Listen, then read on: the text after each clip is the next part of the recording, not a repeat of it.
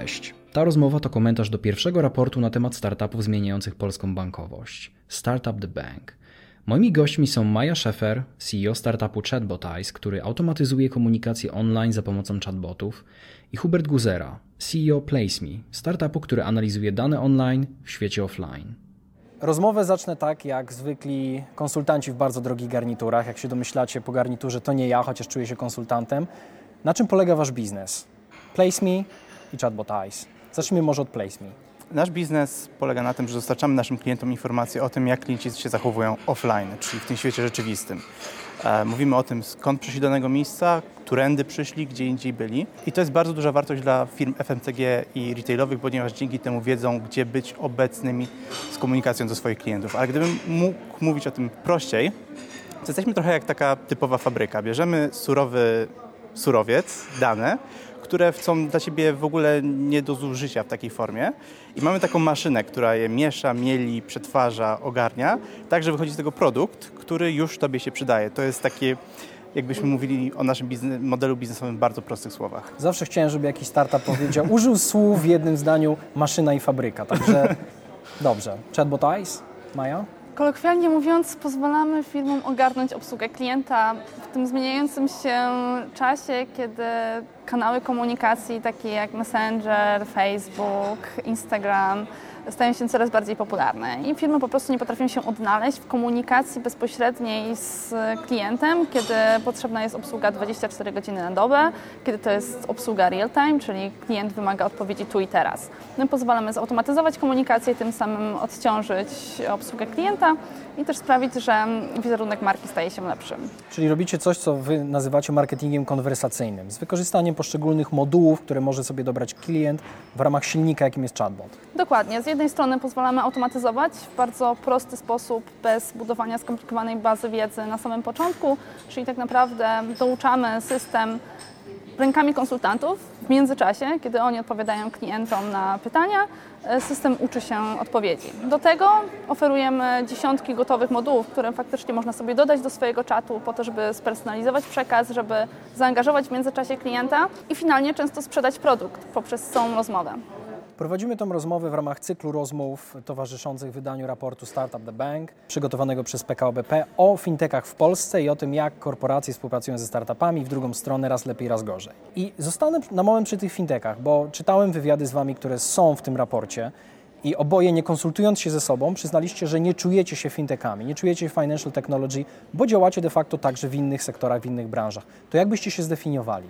Jako startupy? Faktycznie nie jesteśmy fintechem, chociaż pracujemy z branżą finansową, ale nie tylko. Czasami mamy przyjemność wypełniać jakieś ankiety startupowe i tam zawsze są opcje wyboru, e, kim jesteśmy. Mm, określiłabym nas najbardziej w sekcji machine learning AI plus obsługa klienta. Siłą rzeczy branża finansowa również potrzebuje naszych usług ze względu na to, że jest to branża działająca na dużą skalę. Czy banki, czy towarzystwo ubezpieczeniowe, czy firmy pożyczkowe pracują z dziesiątkami tysięcy, setkami tysięcy klientów i mają te same wyzwania e, komunikacyjne jak firmy z branży FMCG na przykład. Hubert, ty też byś się chyba podpisał pod machine learning. I tak i nie, bo wszystko zależy od tego, jak długa jest lista wyboru. E, myślę, że czasami właśnie te linie podziału są bardzo nieoczywiste i tak samo można powiedzieć o nas, że jesteśmy machine learning, trochę AI, trochę big data, trochę retail analytics, trochę marketing. Na pewno nie jesteśmy fintechem i to mogę stwierdzić z całą pewnością, ale gdzieś, jeżeli bym się nas pozycjonował, to właśnie w obszarze big data, bardziej niż machine learning, wbrew pozorom. Jako, że współpracujecie także z dużymi klientami, jesteście na tym etapie, to chciałbym, żebyście powiedzieli, jakie koszty jakie ryzyka i jakie korzyści generuje współpraca z dużą marką, dajmy na to ze znanym bankiem, tak? Niech będzie. Duża firma nierówna dużej firmie. E, bank, instytucje finansowe różnią się choćby od branży marketingowej, jak najbardziej. Natomiast ogólnie współpraca z dużą firmą daje przede wszystkim e, firmie takiej jak nasza PR jesteśmy w stanie pokazać, że duża organizacja zaufała niewielkiemu startupowi, a to pokazuje, że jesteśmy partnerem godnym zaufania, że potrafimy dowozić. Myślę, że to jest najbardziej istotna kwestia e, że skoro tak duża firma, e, tak zaufana korzysta z naszych usług, no to mniejsza też może sobie na to pozwolić, też może zaufać nam i powierzyć swoje dane, swoich klientów, swoje procesy. Jakieś ryzyka? Ryzyko jest oczywiście takie, że za bardzo zakręcimy się wokół dużych firm, e, że za bardzo zakręcimy się wokół kilku klientów. E, można w ten sposób nawet utracić płynność finansową, bo wiadomo, że duża firma, długie procesy decyzyjne, e, niekoniecznie zakończone sukcesem, więc na pewno trzeba brać to pod uwagę, decydując się na współpracę z dużymi firmami i kierując tam swój marketing, swoje siły sprzedażowe. Koszty, korzyści, Hubert? Właśnie bardziej bym się skupił na kosztach, ponieważ one są nieoczywiste. Praca z dużą korporacją jest bardziej obciążająca, bardzo, bardzo, zazwyczaj dlatego, że firmy przy takiej skali, przy jakiej pracują duże korporacje, są tak przyzwyczajone do tego, że mają rzeczy trochę dostosowane pod siebie, że nie ma takiej rozmowy z nimi, hej, to jest to, co oferujemy, koniec, kropka, tylko zawsze jest temat, co jeszcze, co jeszcze, co jeszcze. I bardzo trudno jest manewrować tej rozmowie na tyle dobrze jako startup, mając mało zasobów, żeby, tak jak Maja mówiła, dowieść produkt, dowieść umowę, która, z której są pieniądze i jednocześnie po drodze nie zbankrutować czy się, e, czy się nie wywrócić. Do ryzyk też ja bym dodał właśnie jedno, o którym Maja nie wspomniała, chociaż pod wszystkimi jej się bardzo podpisuje, mianowicie ryzyko uzależnienia się od innego klienta czy za bardzo stosowania produktu pod innego klienta. I to jest bardzo często efekt działań akceleratorach, w pilotażach, gdzie nasz fokus na jednego klienta jest tak duży, że robimy narzędzie, które jest super dla niego, ale złe dla całego rynku i trochę się zamykamy, a naszą rolą jest operować na szerokim rynku, a nie robić coś dostosowanego pod jedną osobę. To przechodząc teraz od wymienionych przez Was korzyści i kosztów współpracy z wielkimi, przejdźmy już do konkretnych rozwiązań, przemyśleń, które Wy macie, którymi możecie się podzielić z innymi founderami, bo jedna z centralnych i najważniejszych moim zdaniem części tego raportu, który przygotował PKO, to jest właśnie pięć porad od startuperów dla startuperów, czy od founderów dla founderów. Jak na przykład mieć w swoim teamie insidera, kogoś, kto rozumie rynek finansowy, działać na zasadzie pilotaży, stawiać jednak język e, konkretów nad język korzyści i przychodzić przede wszystkim przygotowanym, czyli odrobić swoją pracę domową. To teraz pomyślcie o tym, że mówicie do innych founderów, którzy podążą waszym śladem i nie musicie się cenzurować. Wasze doświadczenia. Maja?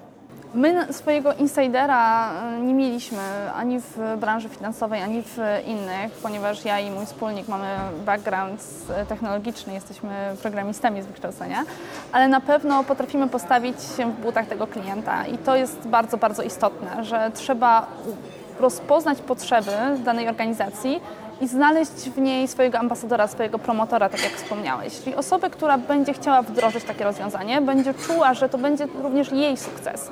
To też jest istotne, żeby ta osoba, która będzie naszym promotorem, czuła, że to wdrożenie może też coś jej przynieść, na przykład awans e, czy jakiś sukces e, zawodowy. E, to jest na pewno bardzo ważne w współpracy z dużą organizacją.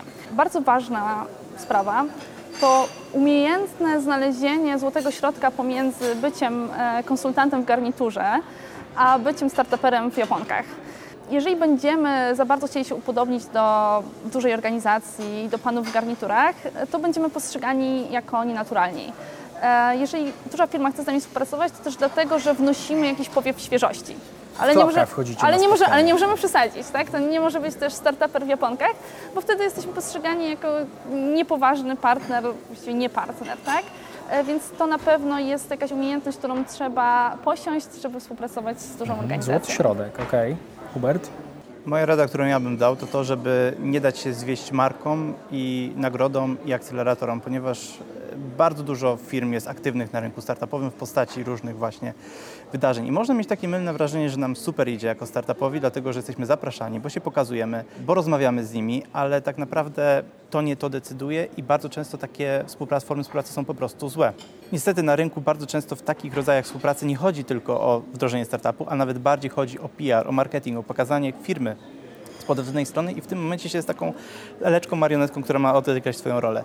Myślę, że bardziej, o wiele bardziej trzeba się skupić właśnie na tych, o których nie słychać, którzy nie robią wokół tego PR-u, bo i na przykład uderzyć bezpośrednio do właściciela biznesowego, czy uderzyć do kogoś, kto wiemy, że ma taką potrzebę, niż do działu innowacji, niż na konferencję. Który deklaruje taką potrzebę. Dokładnie, lub też często na przykład chce po prostu pokazać coś, ale tylko pokazać, nie zaimplementować. Na koniec dnia to, co nas definiuje jako dobre startupy, to jest to są przychody, a nie liczba nagród, więc o tym trzeba pamiętać. Cieszę się, że to, żeby się nie autocenzurować, potraktowałeś na serio i że to padło. E, to teraz przenieśmy e, temat, ale zostańmy jakby przy podobnych pytaniach z współpracy z wielkimi na współpracę, czy może działanie na rynkach zagranicznych, nie tylko na rynku polskim, bo Chatbot żeby wymienić kilka rynków, działa w Wielkiej Brytanii, w Kenii, wy jako PlaceMe działacie w Portugalii. To jest zresztą ciekawa historia.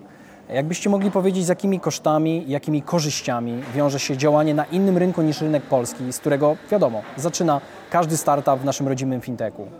Magia rynków zagranicznych według mnie jest trochę przeszarżowana, bo naprawdę działam na dużym rynku, fajnym rynku i my mając inwestorów z Portugalii, którzy e, dobrze znają portugalski rynek i skonfrontowani z decyzją, czy chcemy rozwijać ten startup tam czy tu, wszyscy stwierdziliśmy, że chcemy go rozwijać tutaj, chociażby dlatego, że rozmiar rynku, a co za tym idą potrzeby, skala jest o wiele większa.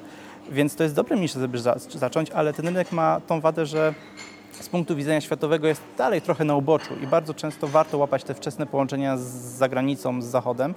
E, może nie po to, żeby się odwrócić od polskiego rynku, tylko żeby chłonąć z niego dobre praktyki. Nasz rynek VC, nasz rynek startupowy jest jeszcze wczesny i dobre rady, dobre praktyki, mentorzy, którzy gdzieś są bardzo dostępni, tutaj jeszcze nie są i dlatego po, takie połączenie w różnorakiej formie jest na początek bardzo cenne. Koszt pozyskania polskiego klienta jest mierzony przede wszystkim w czasie. Nawet nie w pieniądzach, tylko w czasie. Za granicą proces decyzyjny jest e, prostszy, szybszy, często ze względów chociażby prawnych.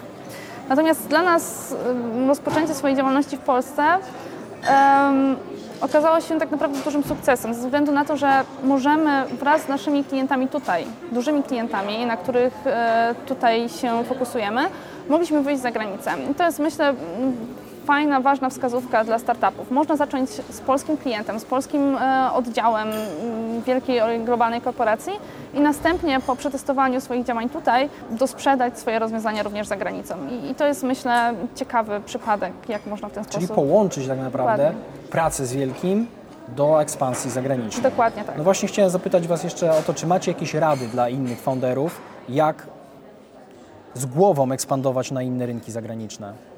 To powinien być naturalny krok biznesu. Tak samo, jeżeli bym trochę rozszerzył to, bo za nowy rynek możemy też uznać nowy sektor, nowe zastosowanie. I częstą przypadłością jest to, że widzimy tyle różnych zastosowań naszego narzędzia, że idziemy wszędzie, ale skoncentrowanie się na czymś jest najważniejsze. Z przyczyn oczywistych, bardzo małe zasoby w naszej firmie powodują, że nawet zrobienie nowego materiału sprzedażowego pod nową branżę, nowy rynek jest dodatkowym czasem, więc bardzo trzeba się po prostu na czymś skoncentrować, bo inaczej się, się rozjedzie w zbyt wielu kierunkach. E, I tak jak mówię, to powinien być naturalny krok pewnego procesu. Trzeba pamiętać, co jest łatwiejsze, co jest trudniejsze. Na przykład komuś, kto dopiero zaczyna, łatwiej zacząć w Polsce, bo patrząc na niego, klient przynajmniej wie, że on rozumie rynek, bo się na nim urodził, że rozumie firmę i ją zna. Jadąc za granicę, to ten człowiek tej pewności nie ma, więc jakby dokładamy sobie kolejnych barier, więc czasami warto zacząć od rzeczy prostszych i sobie ułożyć to w naturalny ciąg Czyli rozwoju. ogółem patrząc mierzyć siły na zamiary. Tak, dokładnie. Absolutnie zgadzam się z Hubertem. Oczywiście nasze tutaj rozumowania są z perspektywy startupu, który nie ma milionów dolarów na koncie. E, pewnie gdybyśmy mieli, to ekspansja byłaby zdecydowanie bardziej agresywna i wtedy taki startup jest w stanie sobie pozwolić na testowanie różnych rynków w bardzo krótkim czasie i tak naprawdę tak zwane przepalanie pieniędzy. My musimy działać ostrożniej, w związku z czym e, krok po kroku e, wychodzić do kolejnych klientów, próbować ofertować klientów, tak jak wspomniałam, tych, których mamy w Polsce, ofertować ich za granicą i ten sposób próbować wyjść na e, strategiczne rynki z perspektywy danego startupu, bo to też jest istotne, żeby zrobić sobie wcześniej research i zweryfikować, czy to jest Europa, czy to są Stany, czy to jest może Afryka, może to jest jakiś konkretny, jeden wybrany kraj w Europie. Mm, to wymaga analizy bardzo długiego czasu. To na sam koniec plany, którymi możecie się podzielić, e, bliższe i dalsze. Zacznijmy od Chatbot Eyes, Maja. No dla nas to jest przede wszystkim ekspansja zagraniczna, e, poszerzanie spektrum działań, w których możemy pomóc obsłudze klienta, czyli to jest dokładanie kolejnych kanałów komunikacji, które jesteśmy w stanie obsłużyć tak, żeby faktycznie temu naszemu klientowi zapewnić automatyzację wielokanałową, multikanałową. No i tak jak wspomniałam, e, przede wszystkim ekspansja zagraniczna. Na tym będziemy się fokusować w najbliższym roku. Hubert, co czeka Place Me? Mamy zamiar rosnąć i to jest cała moja odpowiedź, jaka tutaj może być. E, rosnąć na rynku polskim i w, e, na rynkach zagranicznych. Myślę, że jesteśmy na tym etapie, gdzie przeszliśmy przez takie najtrudniejsze elementy życia startupu, czyli stworzyliśmy produkt, znaleźliśmy pierwszych klientów. Każdy etap to nowe wyzwania.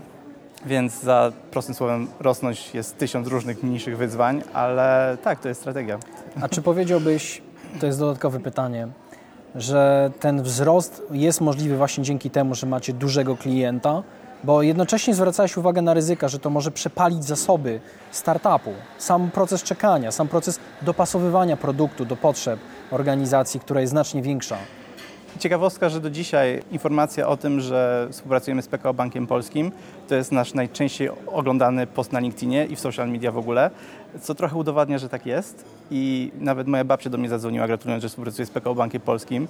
Chociaż mówiąc szczerze, nawet złotówkowo nie jest nasz największy klient, więc jakby tak, mm, dlaczego akurat tego klienta mi gratulujesz babciu? E, ale tak, czasami właśnie te duże brandy napędzają, choćby samym faktem współpracy naszą markę, bo zaczyna się dostrzegać, że oni faktycznie coś potrafią. Skoro tak duża marka im zaufała, to widać coś w tym jest. Walidują Was rynkowo. E, Dokładnie tak. I to bardzo dobrze widać i widzieliśmy w, nasz, naszej działalności, że im więcej e, lub klientów dochodziło do naszych materiałów sprzedażowych, tym łatwiejsze było przekonanie każdego kolejnego.